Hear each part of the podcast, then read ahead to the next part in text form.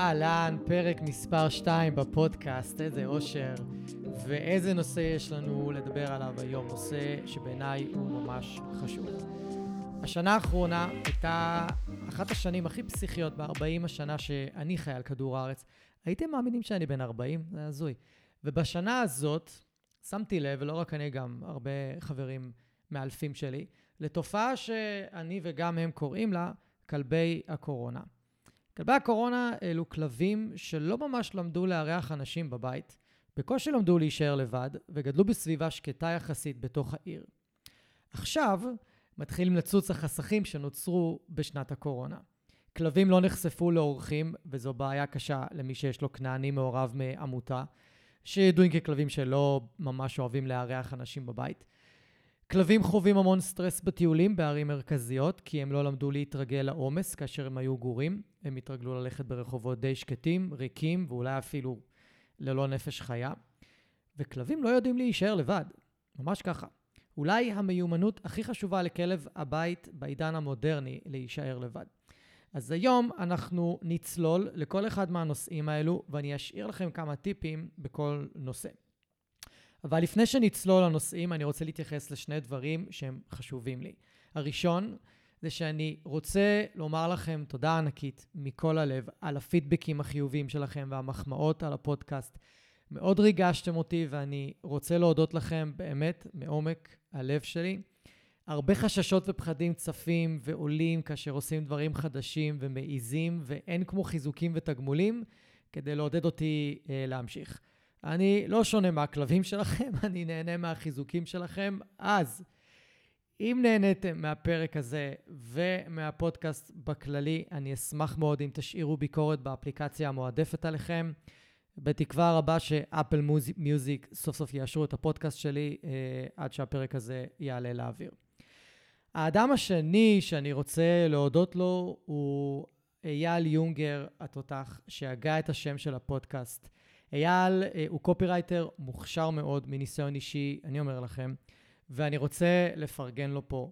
אז אם אתם אוהבים את השם של הפודקאסט ואתם מתחברים אליו, ואתם בדיוק זקוקים לעזרה במציאת שם לעסק שלכם, או לכל דבר אחר שאתם זקוקים בו לשם, או לאיזשהו רעיון, או לפצח איזה משהו שקשור לקופירייטינג. אני יודע שמקשיבים לי אנשים שגם עובדים בדברים האלה, ושיש להם עסקים ואולי זקוקים ל... לעניין הזה, אז אייל יונגר, זה הבן אדם לפנות אליו, אין לי ספק שהוא יעזור לכם לפצח את זה, בדיוק כמו שהוא עזר לי, ולהגיד לכם את האמת, הוא עזר לי עם זה בדיוק בתוך דקה. מה שאני התבחבשתי איתו שבועיים, הוא תוך דקה סידר את העניין, שזה די מדהים. אז אה, אייל הוא הבן אדם שלכם. זהו, אה, סיימנו עם ההקדמה הארוכה, ועכשיו אנחנו נצלול לתוך כלבי הקורונה.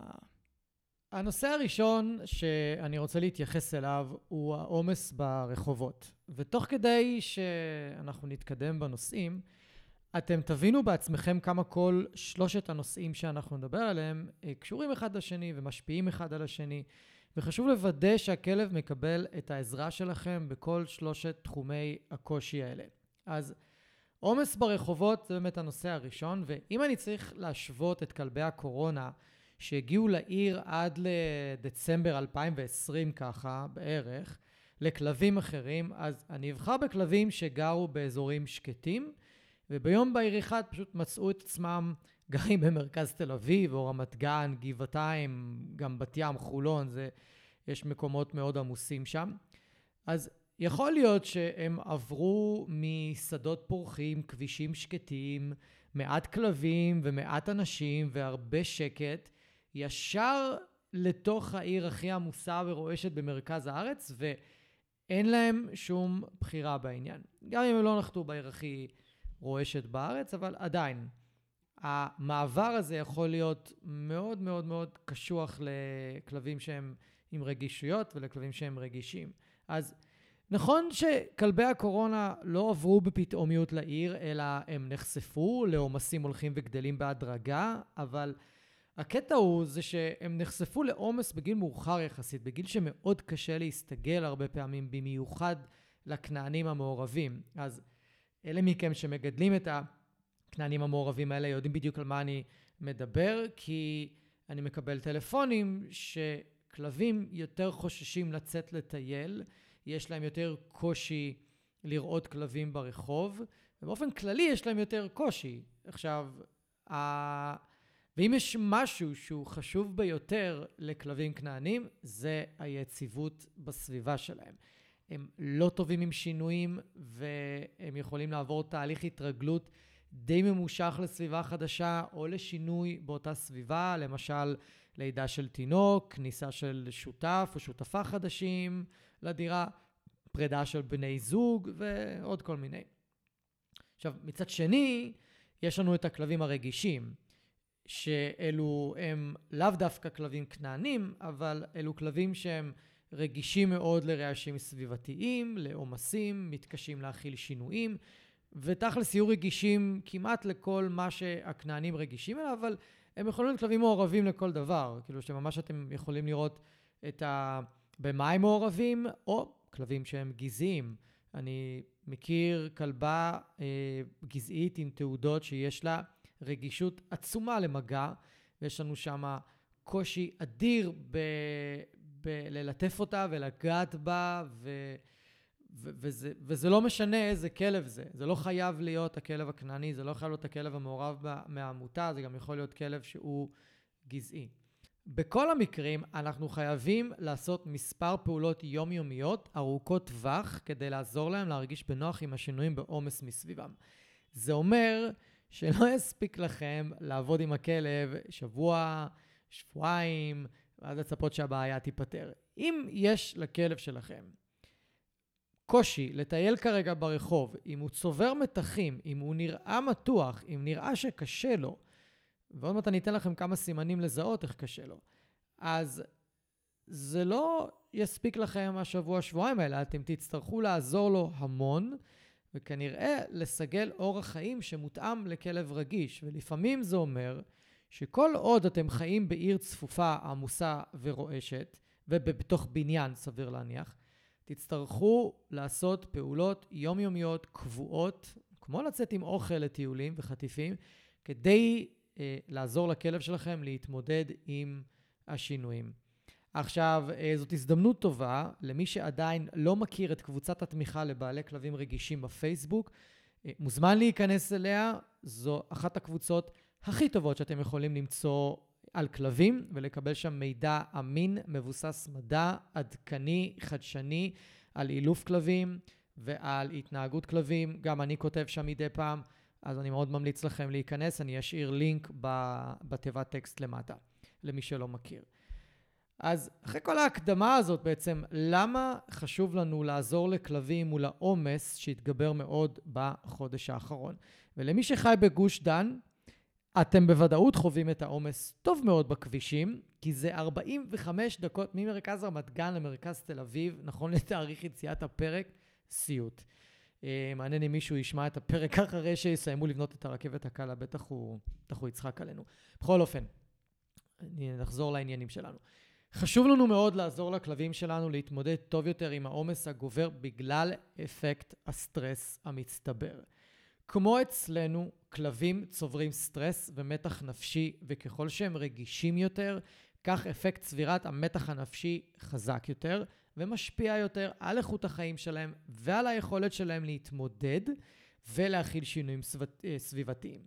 מתח נפשי מצטבר פוגע במערכת העיכול, פוגע במערכת החיסון, פוגע בתיאבון, במיוחד במצבי סטרס. אז אם אתם רוצים לעבוד עם הכלב שלכם בטיול, עם אוכל, והוא לחוץ מדי, הוא כנראה לא ייקח את האוכל. והמתח הנפשי יפגע ביכולת שלו להישאר לבד, שנדבר על זה בסוף, בהתמודדות עם מפגשים ברחוב עם כלבים אחרים, משאיר כלבים ברמת עוררות גבוהה ודרוכים מאוד, ובקיצור, פוגע בחיים שלהם בדיוק כמו שיפגע בחיים שלנו, בני האדם. אגב, אגב, הרבה מאוד מהידע שיש לנו על סטרס, במיוחד סטרס כרוני, אנחנו יודעים ממחקר על בעלי חיים ולא על בני אדם. כדאי אה, להפנים את הנקודה הזאת. אז כל מה שתופס לגבינו בסטרס מצטבר, תופס לגבי כלבים. אז אם יש לכם כלב רגיש או כלב עם רגישות, stress management, פרוטוקול הפחתת מתח מצטבר הוא אחד הדברים החשובים ביותר שאתם צריכים לעשות על בסיס יומיומי, ואני ארחיב על הנושא הזה של סטרס מצטבר בפרק אחר. אנחנו ממש נצלול למנגנון הפיזיולוגי של סטרס מצטבר ואיזה אה, מערכת עצבית עובדת שם, הפרסימפטית או הסימפטית, ואיך זה משפיע על התיאבון, ואיך זה משפיע על מערכת העיכול, וכל מה שכתבתי מקודם, אל תדאגו, זה אחד הנושאים אולי הכי מרתקים ושאני הכי אוהב לצלול אליהם, אז אתם, מצפה לכם פרק ממש מרתק בנושא בהמשך. אז אחרי שדיברנו על כל הנושא הזה של הסטרס המצטבר, שהכלבים שלנו זקוקים לעזרה שלנו והכלבים שלנו חייבים שאנחנו נעזור להם להתמודד עם הסטרס, מה אנחנו יכולים לעשות? אז רציתי לספר לכם על שלוש פעולות מאוד בסיסיות, אבל יומיומיות, שאתם יכולים להתחיל לעשות החל מהטיול הבא. אז הדבר הראשון זה לבחור שעות ומסלולים שקטים יותר, ולהימנע מטיולים בשעות העומס עד כמה שאפשר. אני יודע, יש לכם חיים ועבודה, ואתם לא חופשיים לנהל את הזמן שלכם ב-100%, ולכן אני אומר, עד כמה שאפשר. ברור לי לחלוטין שזה לא יהיה ב-100%, אבל זה היופי כאן, זה שאם באחוז גבוה מהזמן אנחנו דואגים לטיולים שבהם הכלבים שלנו יצברו פחות מתח נפשי, אנחנו נוכל לעזור להם. זה יכול להיות 70 אחוז יותר, זה יכול להיות 80 אחוז יותר, זה נורא תלוי בכלב. יש כלבים שמספיק שאתם תעשו טיול אחד ביום מתוך השלושה או הארבעה, שהוא מאוד שקט, הוא מאוד נינוח, הוא מאוד נעים לכלב, בלי יותר מדי אה, אזורים עמוסים ו- וקשים להכלה ולהתמודדות עם הרבה כלבים והרבה אנשים ומשאיות על הראש וכל זה. זה גם יכול לעשות את העבודה. נורא תלוי בכלב שלכם. המטרה כאן היא למנוע הצטברות של מתח נפשי מיותר, אם בכל מקרה אנחנו יכולים לטייל בשעות שקטות ובמסלולים שקטים יותר. זאת אומרת שאם אני יכול לעשות את זה, למה שאני לא אעשה את זה? ויש כאן איזושהי נקודה שחשוב מאוד להבין אותה. מנגנון הצבירת סטרס ומנגנון פריקת הסטרס לא תלויים בהוצאת אנרגיה. הרבה אנשים מתבלבלים וחושבים שאם אני אקח את הכלב שלי לפרוק לו אנרגיה, אני גם באותה מידה אפרוק לו סטרס. זה לא מדויק, זה לא נכון להגיד את זה. מה שיותר נכון להגיד זה שאם אני אקח את הכלב שלי לפרוק אנרגיה, אז אני אמנע הצטברות נוספת של סטרס, וזה מן הסתם עוזר בפריקת המתח, אבל מנגנון צבירת הסטרס ומנגנון אה, הוצאת אנרגיה הם לא מנגנונים חופפים ב-100%. אז זה מה שאני יודע. אם מישהו מקשיב לזה והוא יודע משהו אחר, מוזמנים כמובן לכתוב לי ואני אתייחס לזה, ואם צריך לתקן, אז אני אתקן. אה, עכשיו, אני מאמן כלבים רגישים על בסיס יומי. כמעט כל כלב שאני מאמן, יש לו איזושהי רגישות מסוימת לרעש, לכלבים, לאנשים, לילדים, לסקטבורדים, לאופניים חשמליים. גם לי יש רגישות לאופניים חשמליים. לכל מיני דברים, לנסיעה ברכב, לכל מיני. אנחנו קוראים לזה בעיות התנהגות, אבל אם אנחנו שנייה יוצאים מהפריזמה הזאת של בעיות התנהגות, אנחנו יכולים להתייחס לזה כאל רגישות. ואם אני מתייחס לזה כאל רגישות, אז זה אומר ש... אני צריך להיות רגיש לרגישות של הכלב, אוקיי? זה שם אותנו בנקודת הסתכלות שונה לחלוטין על הכלב שלנו, לפחות עבורי זה מה שקורה. אז בגלל שאני מאמן את הכלבים האלה על הבסיס יומי, וכמעט כל כלב שאני פוגש יש לו איזושהי רגישות, אני חייב לדאוג שהוא יחווה מינימום של סטרס מהטריגר שאליו הוא רגיש. אז אם הכלב שלי רגיש לכלבים, אני לא אגש איתו לכל כלב, במיוחד אם הוא מתפרץ עליו, אני לא אגיד לו, אה, בוא תכיר את כל הכלבים בשכונה ותיגש אליהם בזמן שהוא מתפרץ עליהם ונובח עליהם, מתוך מחשבה שזה יעשה לו טוב. לא, זה יגרום לו לצבור יותר סטרס, זה יחמיר לי את ההתנהגות שלו, כי הוא מתרגל התפרצויות. אני צריך לבחור בטקטיקה אחרת. אני יודע מה עובר לכם בראש? לא. טקטיקת ההימנעות המוחלטת מכלבים גם לא תעבוד, היא גם כנראה תחמיר את המצב, צריך להיות משהו באמצע. האמצע של כל כלב הוא שונה. זה מה שאנחנו עושים בטיפולים התנהגותיים, אנחנו מבררים מה הבלנס של הכלב שבין להימנע מהטריגר שגורם לרגישות לבין להתמודד עם הטריגר שגורם לרגישות זו המהות, האסנס ממש של טיפול התנהגותי, אוקיי? לא, לא קיצון ולא קיצון, אלא למצוא את האמצע. ואם כבר אנחנו מדברים על זה, אז הנה, אני אתן לכם דוגמה. היום בבוקר פגשתי לראשונה כלב חמוד בשם ניוטון, באמת כלב חמוד, שעבר מהמושב לעיר ממש לפני חודש בערך, אוקיי? היום התאריך הוא ה-19 לרביעי, 2021. הוא מאוד מתקשה עם העומס בעיר, ורואים את זה. הוא היה רגיל למושב, הוא היה רגיל לטיולים שקטים יותר, והיום ממש אפשר לראות את זה. כשעוברת משאית הוא מתכווץ, ממש מתכווץ. הוא לפעמים הולך אחורה כי זה מכאיב לו באוזניים, וכשהוא שומע משאיות ואופנועים גם יכול לקרות אותו הדבר. הוא נרתע מאנשים עם חזות מסוימת, ואחד הדברים הכי יפים שהוא עושה, זה הוא מבקש במהלך הטיול, לא מעט, פשוט להיכנס לחצרות של בניינים כדי להירגע מהרחוב. ובאחת הפעמים שאני לקחתי את הרצועה ואני קצת עבדתי איתו כדי להדגים כמה דברים, הוא ביקש להיכנס לתוך בניין שהיה מאוד מאוד קריר, הכניסה שלו הייתה מאוד מאוד קרירה כזאת, ואחרי שתיים, שלוש דקות בערך שעמדנו בכניסה לבניין, הוא, הוא רצה לעלות למעלה, הוא מבחינתו סיים את הטיול, הוא מבחינתו בוא ניכנס לאיזושהי דירה, אני סיימתי את, ה, את הטיול.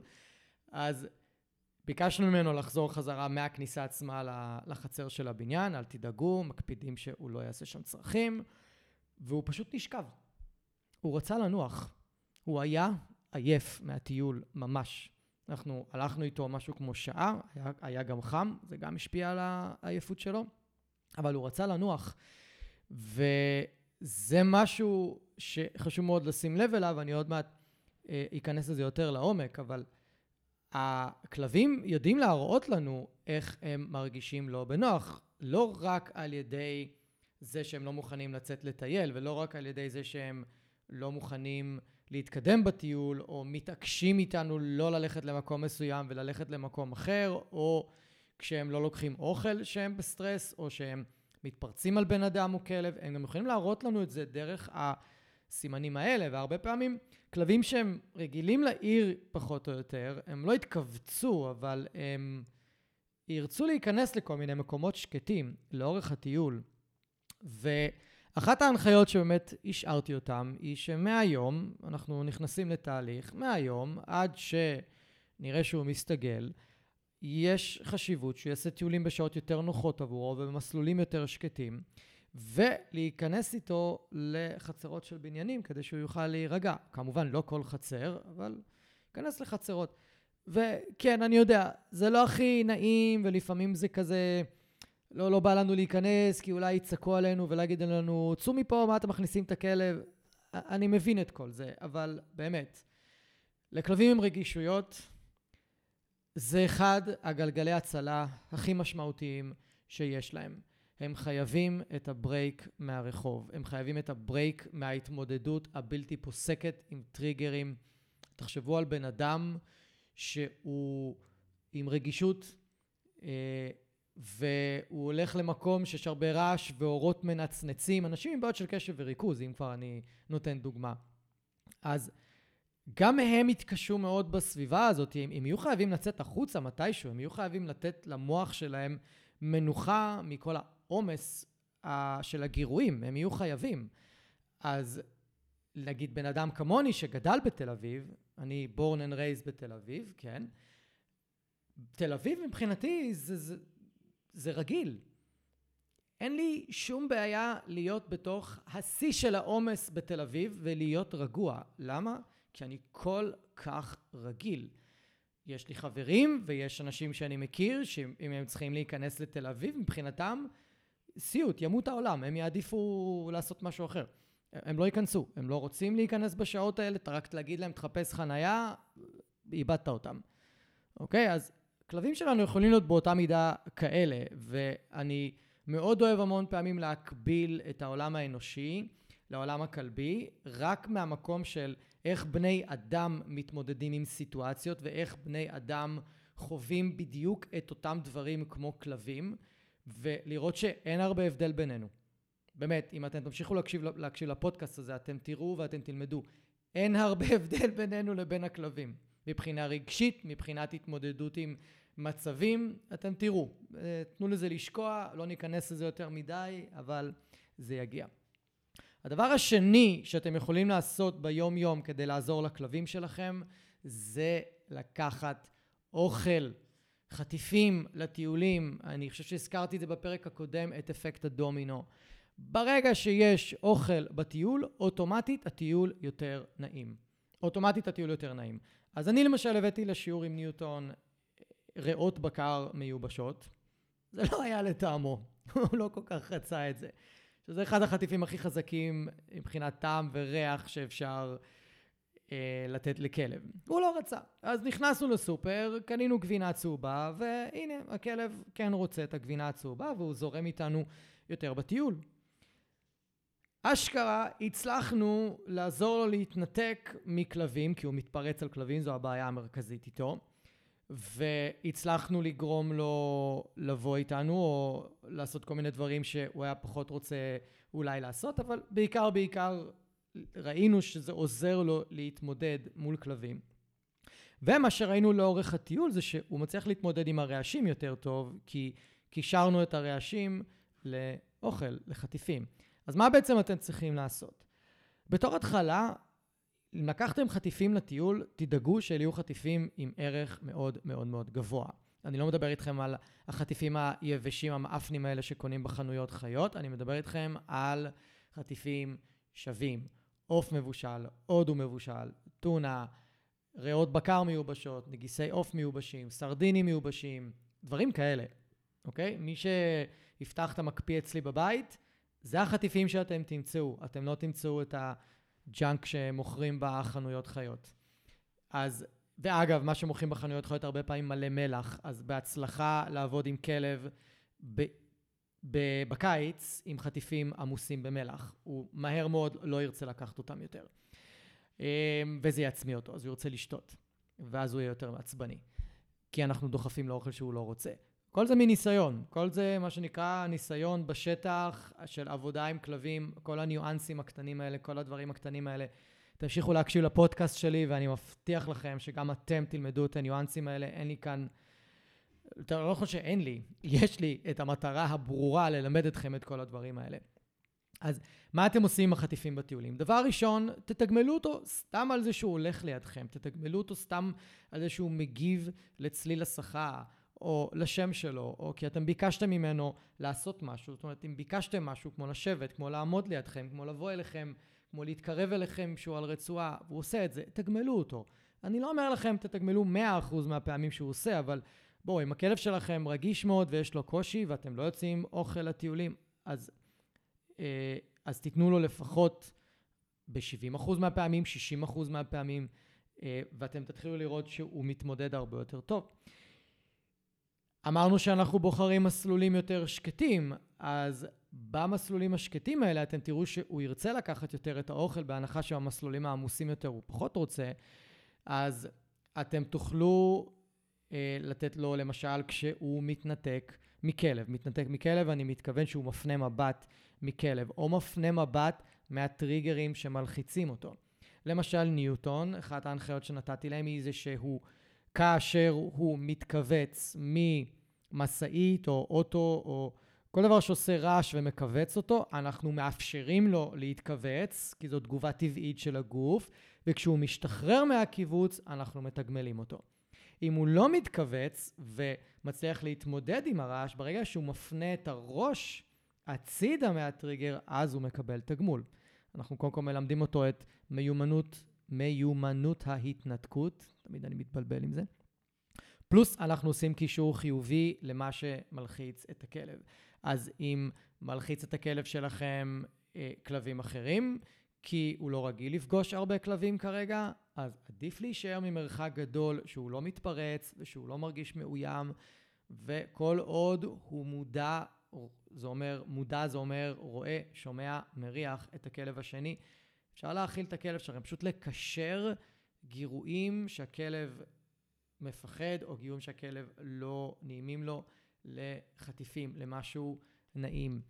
אה, זה ככה על קצה המזלג, כמובן שיש פה תורה שלמה, אבל לכו עם האינטואיציה שלכם פה ותזרמו עם הכלב שלכם, ובעיקר בעיקר פשוט תעשו לו good time בטיול. עכשיו, חוץ מאוכל אה, בטיולים, עכשיו שאני חושב על זה, אתם גם יכולים להציע משחק ולהביא משחק. אם הכלב שלכם יותר כלב של משחק או של צעצוע, אז תלכו לשחק. לכו ברחוב עם אוכל, תגיעו לאיזושהי גינה ותשחקו. תשחקו רבע שעה, תשחקו עשרים דקות, תעשו לכלב שלכם good time. ואם הכלב שלכם גם אוהב לשחק ברחוב עם עלה יבש, עם מקל, או סתם איזה חתיכת כוס חד פעמית שמצאתם, לכו על זה, שחקו איתו. אני כל כך הרבה פעמים מוצא בקבוקי פלסטיק, בועט אותם ומריץ את הכלב לבקבוק והוא משחק איתו ותופס אותו ואנחנו אה, מתרגלים עזיבה מהפה על הדרך ואני בועט בבקבוק עוד פעם ואנחנו ככה מייצרים לנו איזשהו משחק שהכלב נהנה ממנו ואיפה הכלב נהנה מכל זה? הרבה פעמים ליד האזורים והעומסים שמפריעים לו, אוקיי? אז הוא עובר חוויה הרבה יותר נעימה. הדבר השלישי שאתם יכולים לעשות, זה מה, ודיברתי על זה מקודם, זה להיכנס לחצרות של בניינים.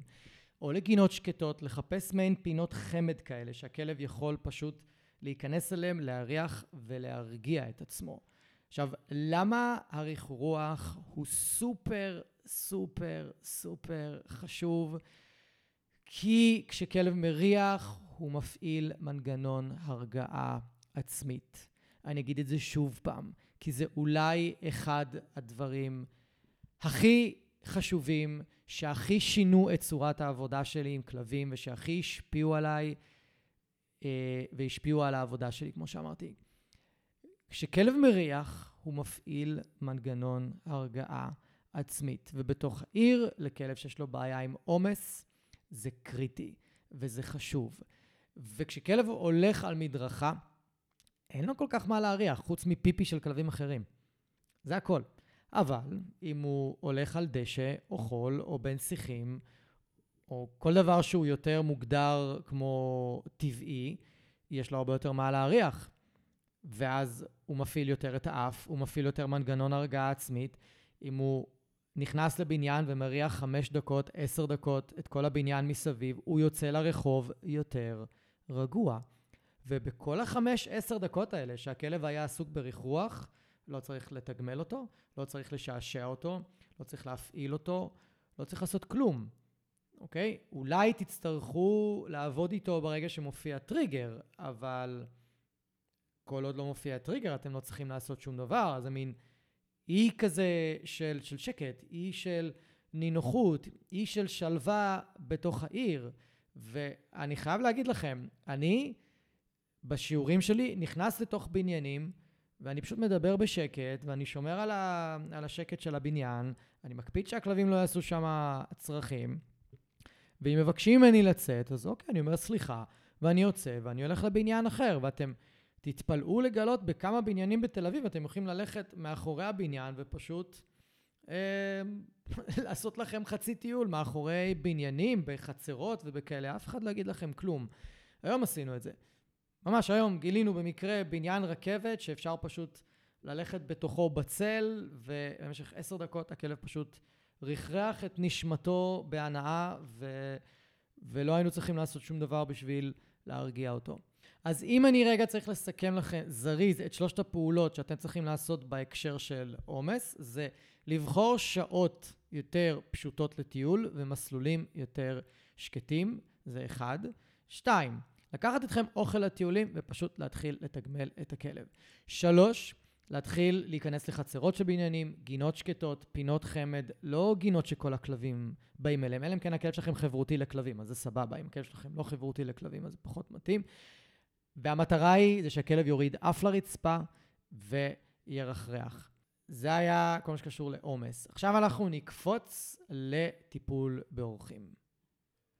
אז אם אתם האנשים שאוהבים לארח אנשים אצלכם בבית וקפצתם על ההזדמנות אה, להתפרע ולעשות מסיבות וכאלה, לא סתם, אבל אתם פשוט אולי כנראה רוצים לארח חבר או שניים, אמא, אבא, אח, אחות וכאלה, ואולי שמתם לב שיש לכלב שלכם קושי, יכול להיות שהוא נובח, יכול להיות שהוא מאוד מציק, אה, זה יכול לבוא לידי ביטוי בכמה, בכמה מצבים. אני רוצה להתמקד היום, בפרק הזה, בקושי של כלב להכניס בן אדם הביתה, ושאחרי שהבן אדם נכנס אז זה קצת יותר טוב, ואולי אחרי כמה דקות נרגע, אבל אני היום מתמקד בזה. עכשיו, קודם כל, יש לי סרטון ממש טוב שמסביר לעומק את הנושא הזה ביוטיוב. אני אשים לכם קישור בתיבת טקסט למטה, שאתם יכולים ללכת ולצפות בו.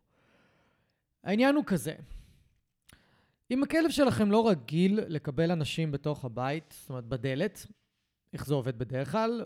בא בן אדם, דופק או מצלצל באינטרקום, ואז הכלב נובח ומשתגע, ואז הבן אדם בא ודופק בדלת, הכלב שלנו עוד פעם משתגע, ועד שהכלב שלנו פוגש את הבן אדם, הוא כבר ברמת עוררות כזאת גבוהה, שבהצלחה להוריד אותו משם.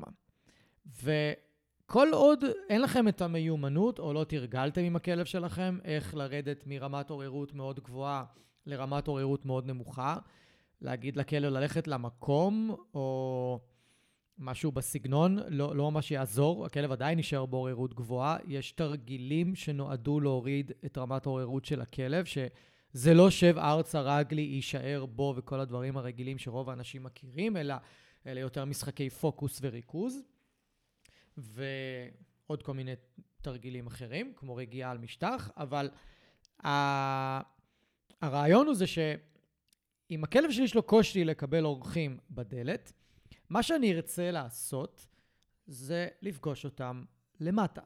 אני ארצה לפגוש אותם בחוץ. אני ארצה למנוע את מצב העוררות הכי גבוה שכלב שלי כנראה יגיע אליו, כי יהיה לי קשה להוריד אותו משם, ולעשות את ההיכרות בצורה הרבה יותר נינוחה, הרבה יותר שקטה, הרבה יותר נעימה לכל הצדדים. הרי גם לאורחים שלכם, זה לא נעים שהם באים, ועכשיו יש כלב שנובח ומשתולל ועושה בלאגן. אני לא מדבר על אלה שהם קופצים מהתרגשות ומלטפים אותם ושמחים לראות אותם, והם כלבים שמחים, והם כלבים ש... אה, סך הכל הם חברותיים. אני מתכוון יותר לכלבים שהם לא חברותיים, הכלבים שהם לחוצים, כלבים שיש להם קושי להכניס אנשים הביתה, כלבים שאולי הולכים אחרי האורחים שלכם בבית ומתפרצים עליהם, מנסים לנשוך אותם, או מאיימים עליהם, או נובחים עליהם. אני מדבר על הכלבים האלה, אם זה... יכול להיות שלא הייתי ברור. אז בזה שאני פוגש את האנשים למטה, ואני מונע את מצב העוררות הגבוה הזה, אני עוזר לכלב לחוות חוויה הרבה יותר נעימה ברמה הרגשית שהוא פוגש אנשים. וזאת ה... האופציה המיידית, הכי פשוטה, הכי נכונה והכי מהירה שאתם יכולים להשתמש בה. פשוט להכיר אנשים למטה. לא על הכניסה, אלא ממש אה, לצאת מהבניין ולפגוש אותם קצת על הרחוב, אלא אם כן זה רחוב סופר עמוס, אז עדיף בתוך הכניסה. אבל אל תעלו מיד הביתה. תעשו איזשהו סיבוב, תעשו איזשהו טיול קטן. אני ממש נכנס לעומק לדברים האלה ב, בסרטון שלי ביוטיוב, כי יש המון ניואנסים שצריך להבין אותם. אנחנו לא נספיק בפודקאסט להיכנס לזה, כי אני רק רוצה לתת לכם את, ה, את מה שצריך לעשות, ולא את כל התורה והפסיכולוגיה שעומדת מאחורי זה. אין לנו מספיק זמן. אז עצם זה שאתם תפגשו את הבן אדם בחוץ, אתם כבר תעזרו לכלב שלכם לעבור חוויה הרבה יותר נעימה עם האורח. האורח יוכל לעבור חוויה מאוד נעימה עם הכלב שלכם. תוכלו לעלות ביחד הביתה, והכלב שלכם ילמד שאורחים זה לא דבר כל כך נורא, במיוחד אם הוא מפחד מהם, במיוחד אם הוא רגיש לעניין הזה, ובמיוחד אם הוא תוקפן כלפיהם.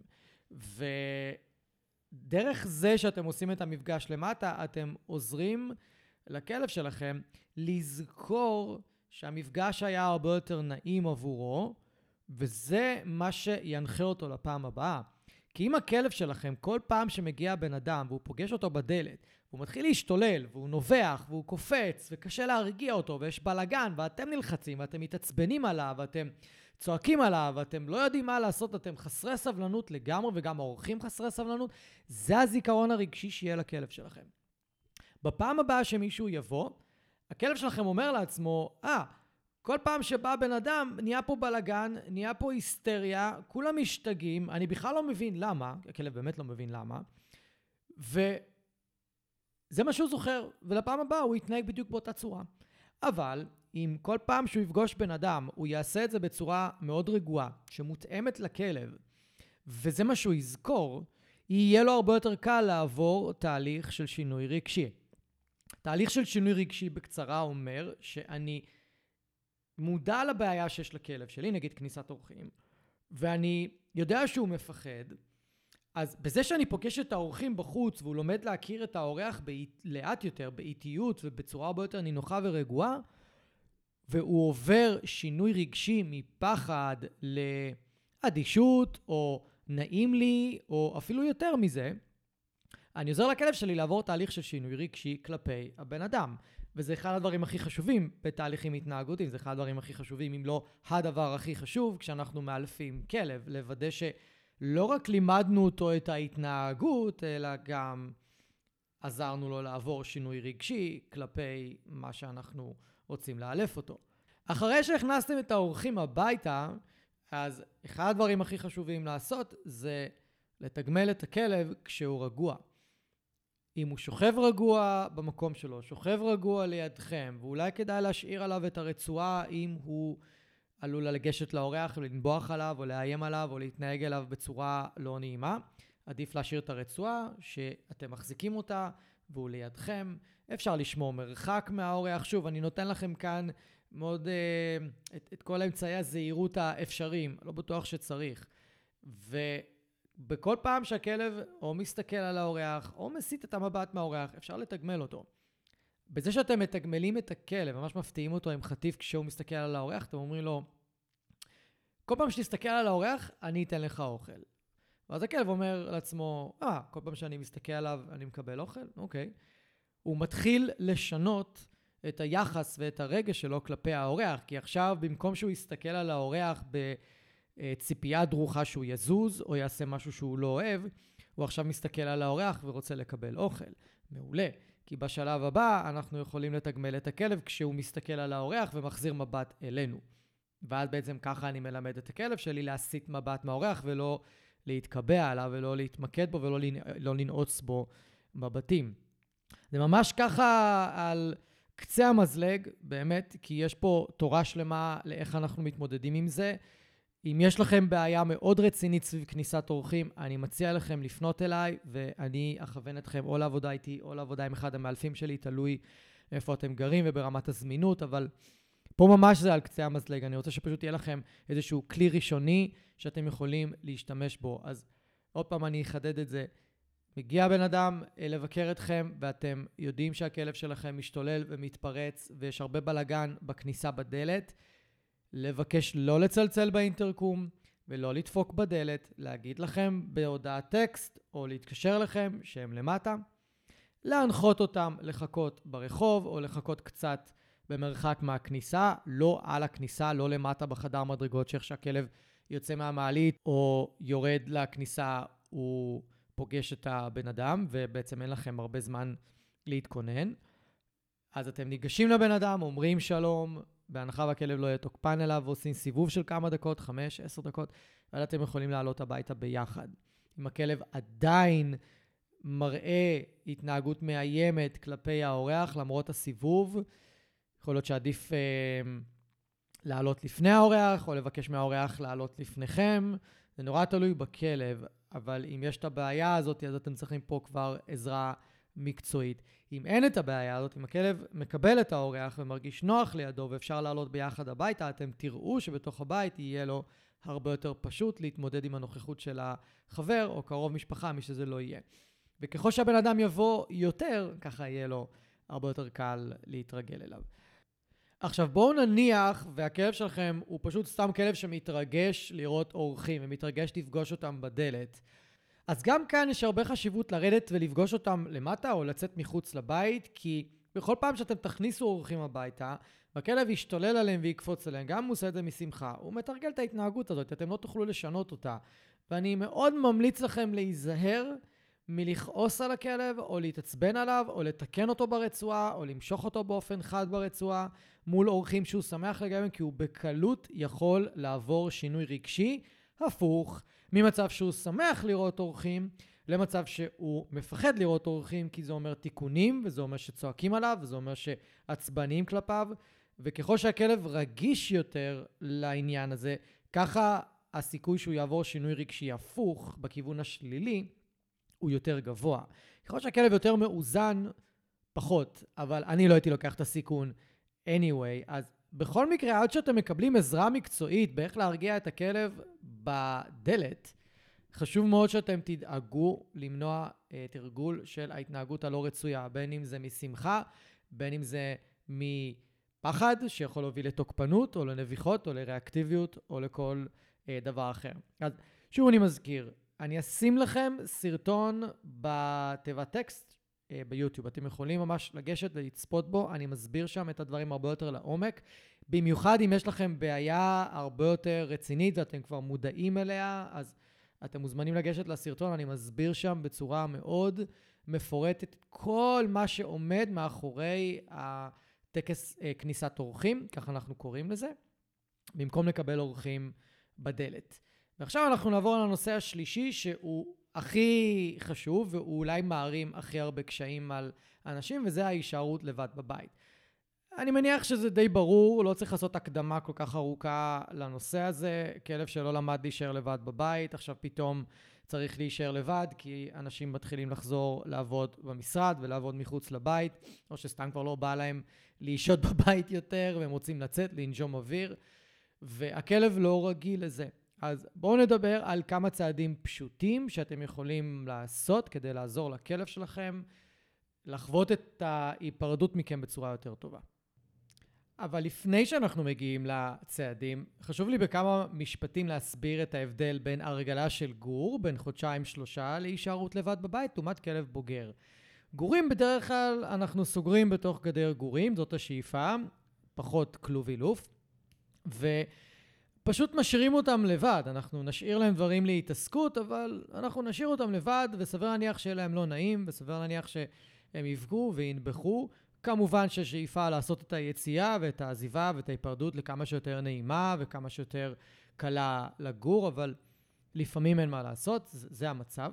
ובגלל שהגור בגדר גורים, ובגלל שהוא או בכלוב, אז הוא לא או באיזשהו חדר או סגור באיזשהו אה, אזור תיחום, הוא לא יכול להרוס שום דבר, הוא לא יכול לעשות הרבה, הוא צריך לישון הרבה מאוד, אז הוא לא פעיל במיוחד, אז יותר קל להתרגל. גם הרבה פעמים שמביאים גור ואנחנו מבלים איתו את הסוף שבוע, יום ראשון אנחנו יוצאים לעבודה, אז הוא עדיין קצת בהלם, אז הוא חווה את העזיבה הרבה פחות קשה מאשר נגיד כלב שעכשיו כבר בין עשרה חודשים, שבעה חודשים, שנה, שנה וקצת, אה, שהתרגל שאנחנו נמצאים איתו בבית מהבוקר עד הערב, ואנחנו לא כל כך יוצאים, ו...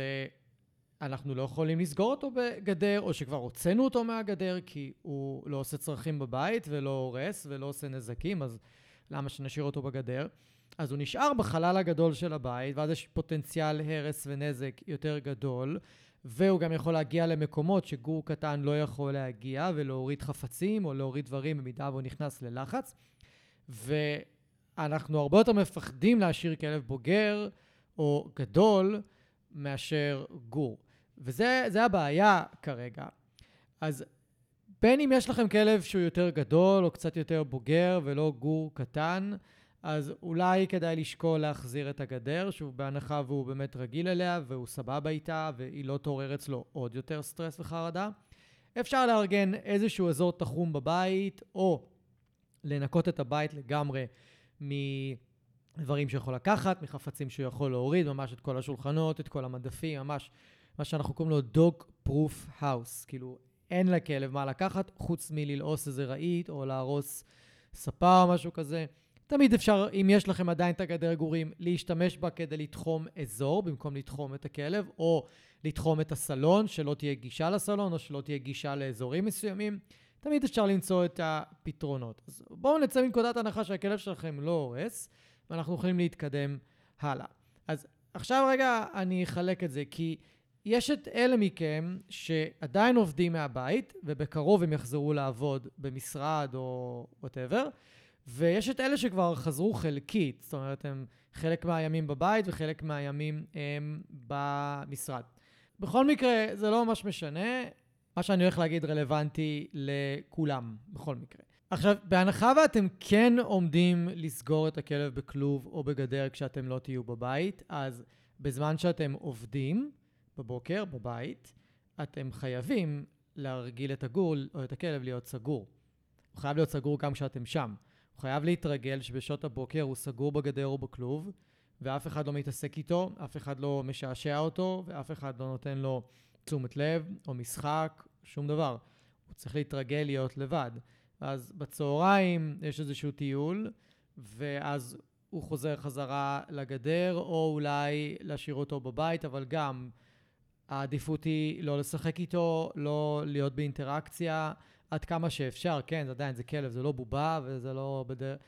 זה לא uh, תוכנית כבקשתי, לפעמים הוא ירצה uh, תשומת לב, הוא ירצה דברים, אז תשתדלו אבל למתן את זה, כי שוב, הוא אמור להתרגל שבשעות האלה, שאתם בעבודה, הוא עם עצמו, הוא לבד. אז הוא לא יכול להתרגל שאתם משעשעים אותו כל היום, או חלק גדול מהיום, או כשהוא צריך, אז אתם נותנים לו את התשומת לב, או נותנים את היחס, מה שהוא לא יקבל כשאתם לא נמצאים. אני לא מכוון אתכם כאן להיות ממש נוקשים בעניין הזה. לדחות את הכלב מעליכם, או לכעוס עליו אם הוא בא אליכם לתשומת לב. ממש לא, אלא תהיו בפוקוס על זה, תהיו במודעות למה שאמרתי כרגע, ותראו איך אתם יכולים ליישם את זה ביום-יום, בלי להכניס את הכלב שלכם לאיזה שהם תסכולים. אז האידיאל מבחינתכם הוא לתרגל בכל יום יציאה מהבית, ממש, להרגיל את הכלב ליומיות, מה שנקרא. יומיות שאתם לא נמצאים בבית, גם אם אתם עובדים מהבית. אם אתם עובדים מהבית, אז פשוט תארגנו לכם פרק זמן מסוים שאתם עובדים באיזה בית קפה או open space, תלוי איפה אתם יכולים לעבוד, או אפילו לכו לחבר, לכו להורים, לא משנה. תתנחלו אצל הבת זוג בזה או אצל הבן זוג בעבודה, מה שמתאים לכם. אבל הרעיון הוא זה שאתם מרגילים את הכלב שלכם ליציאות יומיומיות, ובהתחלה פשוט ליציאות קצרות, ולאט לאט להעלות את משך הזמן של העזיבה מהבית. עכשיו, טיפ קטן, מאוד מומלץ, להתקין מצלמת רשת בבית שמתחברת לווי-פיי. זה מצלמות שעולות בין 80 שקל בערך ל-150 שקל, מצלמות HD מעולות שזזות למעלה למטה, ימינה שמאלה. אפשר לדבר לכלב דרך המצלמה, לא לעשות את זה, אוקיי? לא לדבר לכלב דרך המצלמה. זה ממש מיותר. אמ, אז זה בערך מה שאתם צריכים לכוון עליו, ועכשיו בואו נדבר רגע על הצעדים הפשוטים שאתם צריכים לעשות לקראת כל יציאה. אני מאוד ממליץ לכם לרשום את זה, ואני ממש אעשה לכם את זה בקטגוריות. אז צעד ראשון, וזה הדבר הכי חשוב, זה לא לברוח לכלב מהבית. לא לחזור מטיול, או לא משנה באיזה סיטואציה אתם נמצאים, ואתם יודעים שהכלב עלול לבוא לדלת, אולי קצת להיאבק בכם, לבכות, לנבוח, לא לתת לכם לצאת. אל תברחו לכלב מהבית. חוויית הנטישה וחוויית האמון של הכלב ממש, אה, חוויית הנטישה מתעצמת, חוויית האמון צונחת. אז תהיו במודעות לזה, לא לברוח מהבית, זה גם לא נכון התנהגותית, לא נכון למערכת היחסים עם הכלב, ולא נכון למצב הרגשי של הכלב. תשימו את עצמכם במקומו. שימו את עצמכם בתור ילד שעכשיו שמים אותו בגן, והוא ממש לא רוצה להישאר בגן, ואמא או אבא פשוט הולכים, ופשוט הולכים. ולא דואגים שהילד שלהם נמצא במצב רגשי טוב, נעים, סבבה, רגוע, מה שמתאים לכם. אז זה דבר ראשון, לא לברוח מהבית. הכלב צריך לדעת ולראות, ואפילו לתת לכם איזה סימן עם העיניים שאתם יכולים ללכת, אוקיי? הדבר השני זה לדאוג לפני היציאה למלא את המצברים של הכלב, שיהיה מסופק. למה אני מתכוון? לכל כלב יש את המצברים שלו. יש כלבים שחייבים לפרוק אנרגיה, יש כלבים שחייבים תשומת לב, יש כלבים שחייבים פשוט להיות איתכם בבית. לא טוב להם שאתם קמים נורא מאוחר לפני שאתם יוצאים, הכל קורה נורא נורא נורא מהר ואתם ישר יוצאים מהבית. הם רוצים להיות איתכם בבוקר, זה חשוב להם. זה, אתם תדעו דרך ההיכרות עם הכלב שלכם כמובן. יש כלבים שרוצים לשחק עם כלבים על הבוקר, שזה חשוב להם. החברים שלהם באים בבוקר לגינת כלבים או לאיזשהו מפגש, והם רוצים לפגוש אותם, הם רוצים להיות איתם, ואז הם רגועים לשאר היום. כל כלב יש לו את המצברים שלו, והפלא ופלא זה דומה אלינו. לכל בן אדם יש את המצברים שלו, ואם הם לא מלאים, אז הבן אדם יכול לחוות תחושות לא נעימות, יכול לחוות מתח נפשי, יכול לחוות עצבות, יכול לחוות תסכול, כעס, כל אחד וה... אה, מה שנקרא רגשות הבית שלו. אז אנחנו רוצים לדאוג שהכלב שלנו מסופק לפי המצברים הספציפיים שלו. אם אתם לא מכירים את המצברים של הכלב שלכם, אז זה הזמן להכיר אותם, פשוט תבדקו מה עושה לו את זה אה, ביום-יום, באופן כללי. איך אתם יכולים לדעת ככה בכללי? תראו מה הכלב שלכם הכי נהנה ממנו. מה הכלב שלכם עושה או מקבל, שאחרי זה הוא מאוד מאוד מאוד רגוע, הוא מאוד נינוח. רמז, זה לא תמיד הוצאת אנרגיה. אני יכול להגיד לכם שכלבים כנענים שעושים טיולים בעיר בשעות עומס, וצוברים המון מתח מהטיול, ואז חוזרים הביתה וצריכים להישאר לבד. אם יש להם קושי לבד, זה יגביר את הקושי שלהם, כי הם צברו המון סטרס מהטיול. אז הם לא ממש פרקו אנרגיה בטיול, הם יותר צברו מתח. אבל יכול להיות שכלב כזה ירצה ללכת לאיזה גינה, לשבת שם להסתלבט בשמש, תתפלאו כמה כלבים כנענים, זה מה שהם היו רוצים לעשות בבוקר, עם איזה עצם או קונג ללעיסה, יחד איתכם, טיול קצר, עולים הביתה והם חוזרים מאוד מאוד רגועים. המצבר שלהם מלא. לפעמים זה גם מצבר שקשור לכמות השמש שהם מקבלים. אני זורק לכם פה כמה פוינטרים כאלה שאתם יכולים ללכת ולבדוק את זה על הכלבים שלכם.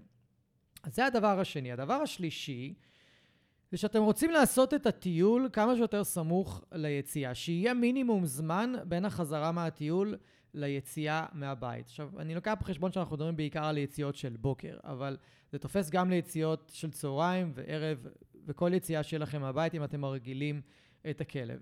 עכשיו, אם אתם עושים טיול, ועדיין אתם מתכננים להישאר יחסית הרבה זמן בבית עד שאתם עוזבים, אז אתם צריכים להבין שבכל הזמן הזה הכלב צובר המון מתח. כי הוא יודע מה עומד לקרות, הוא יודע שאתם עומדים ללכת.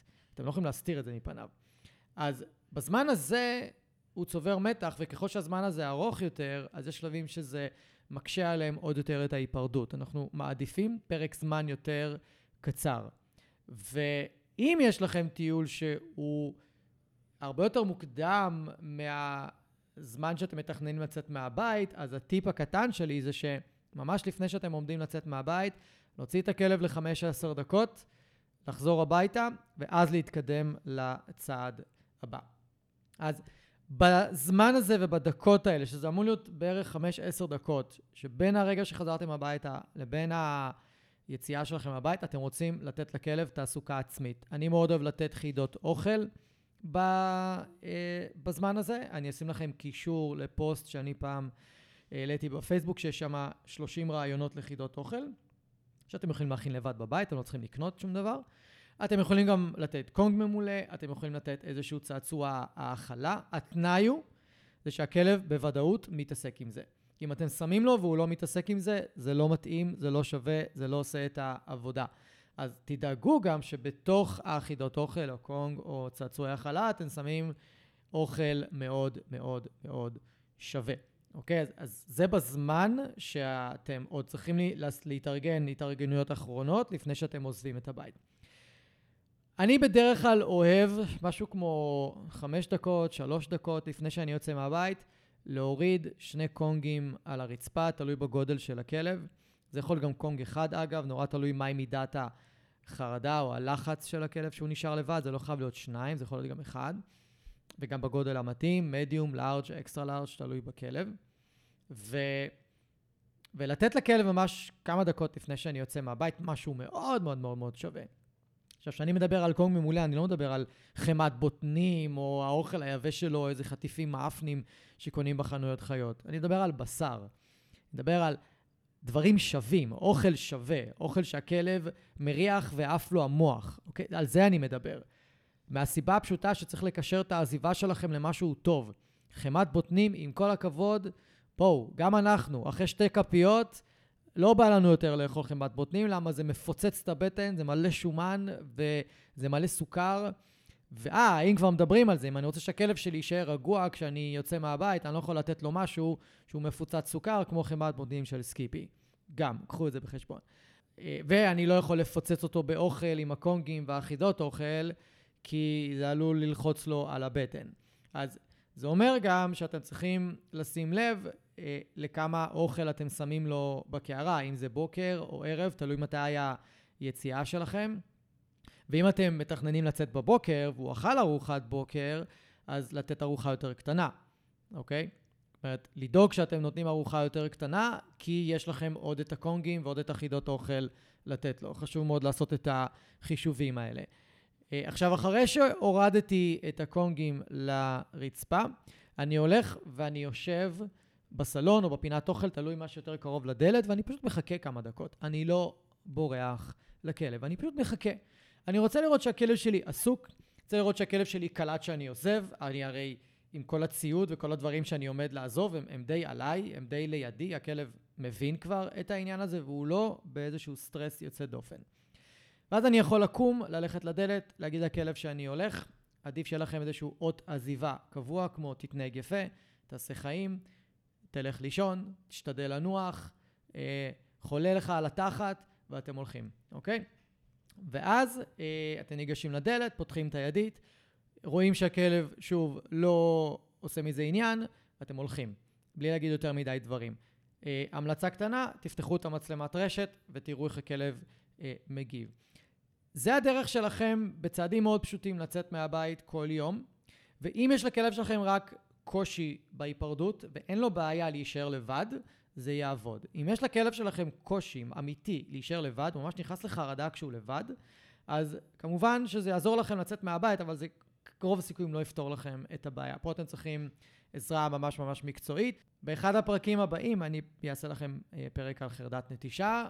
אנחנו נוכל לצלול שם יותר לעומק להבנה המעמיקה של חרדת נטישה. זה, זה מרתק, הדבר הזה ממש, זה סופר מרתק. אז אם אני שנייה מקצר לכם ומסכם לכם את הצעדים. אחד, לא לברוח לכלב מהבית. שתיים, למלא את המצברים של הכלב, שיהיה מסופק. שלוש, טיול סמוך ליציאה, מינימום זמן בין החזרה שלכם מהטיול ליציאה שלכם מהבית. בזמן ההמתנה של הכלב אה, מהטיול עד היציאה שלכם, להשאיר חידות אוכל או איזשהו קונג או צעצוע האכלה. שלב חמישי, 2-3 דקות, 5 דקות גג, לפני שאתם יוצאים מהבית, להשאיר קונג ממולא במשהו מאוד מאוד מאוד שווה, לשבת בסלון או בפינת אוכל ולראות שהכלב עסוק במה שנתתם לו. שהכלב באמת שקוע ועסוק, אפשר להגיד לו שאתם הולכים, ואתם הולכים. ואז לעקוב במצלמת רשת. עכשיו, עוד טיפ קטן, כדי לא לשרוף את יחידות אוכל ואת הקונג ולקשר אותם רק לעזיבה שלכם מהבית, אני מאוד ממליץ, כשאתם בבית, ללא שום תכנון של עזיבה, לתת לכלב רבע קונג, שליש קונג, לתעסוקה עצמית, לתת לו פה חידת אוכל, שם חידת אוכל, כדי שהוא לא יקשר את זה רק לעזיבה שלכם. ברור שהוא יזהה מתי אתם עוזבים, אבל אתם רוצים ללמד אותו ליהנות מה, מהתעסוקה העצמית הזאת, ולא רק לקבל את זה כשהוא בחוויה רגשית של לחץ ומתח נפשי. אז לקחת את זה בחשבון. עכשיו, הסימנים הטובים שלכם זה שזמן הלחץ של הכלב מתקצר, זאת אומרת שהוא מסתובב פחות בבית אחרי שהוא סיים את התעסוקה העצמית שלו, או אחרי שעזבתם. הוא פחות מייבב, פחות בוכה, פחות נובח כמובן. משך ההירגעות שלו אחרי שהוא נרגע הוא יותר ארוך, כי יש כלבים שהם יהיו רגועים לכמה דקות, יקומו עוד פעם, יהיו רגועים לכמה דקות, יקומו עוד פעם. אתם רוצים לראות שהמשך הזמן של ההירגעות הולך ועולה עד למצב שהוא כבר לא מתעורר או לא קם או לא ממש אה, עושה משהו חוץ מלישון. ואתם רואים שבאופן כללי, כשאתם חוזרים הביתה, הכלב פשוט רגוע יותר.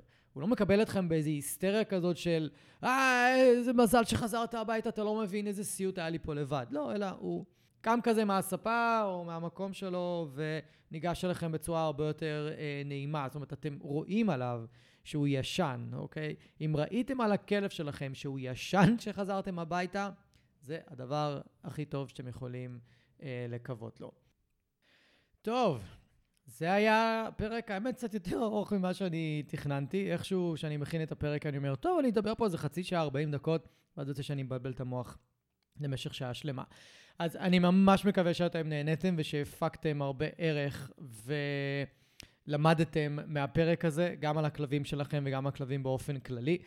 אם אתם שמים לב, האג'נדה שלי או המטרה שלי בפודקאסט הזה הוא אשכרה ללמד אתכם על כלבים, לא רק לתת לכם טיפים, אלא כל טיפ שאני נותן לכם או כל דבר שאני מציע לכם לעשות, אז גם ללמד אתכם מה עומד מאחורי זה ברמת ההבנה הכלבית, ברמת הפסיכולוגיה הכלבית, או הנטיות הטבעיות של כלבים, או חוקי למידה, כל דבר שהוא בעצם רלוונטי לכם. אני, אתם רואים, אני מכניס אתכם לעומק שלו, אז אני ממש מקווה שנהנתם, ואם כן, אז ספרו לחברים שלכם, ספרו לבעלי כלבים אחרים, ספרו להם על הפודקאסט הזה, תעזרו לי להפיץ אותו כי הוא חדש.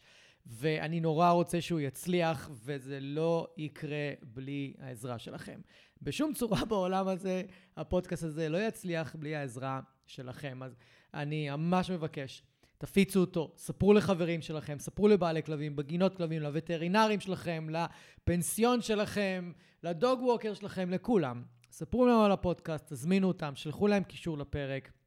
ואם אתם נהנים מהתוכן עד עכשיו, תעשו פולו ותשאירו איזושהי ביקורת אה, באפל מיוזיק, שבתקווה כבר אה, יוקם.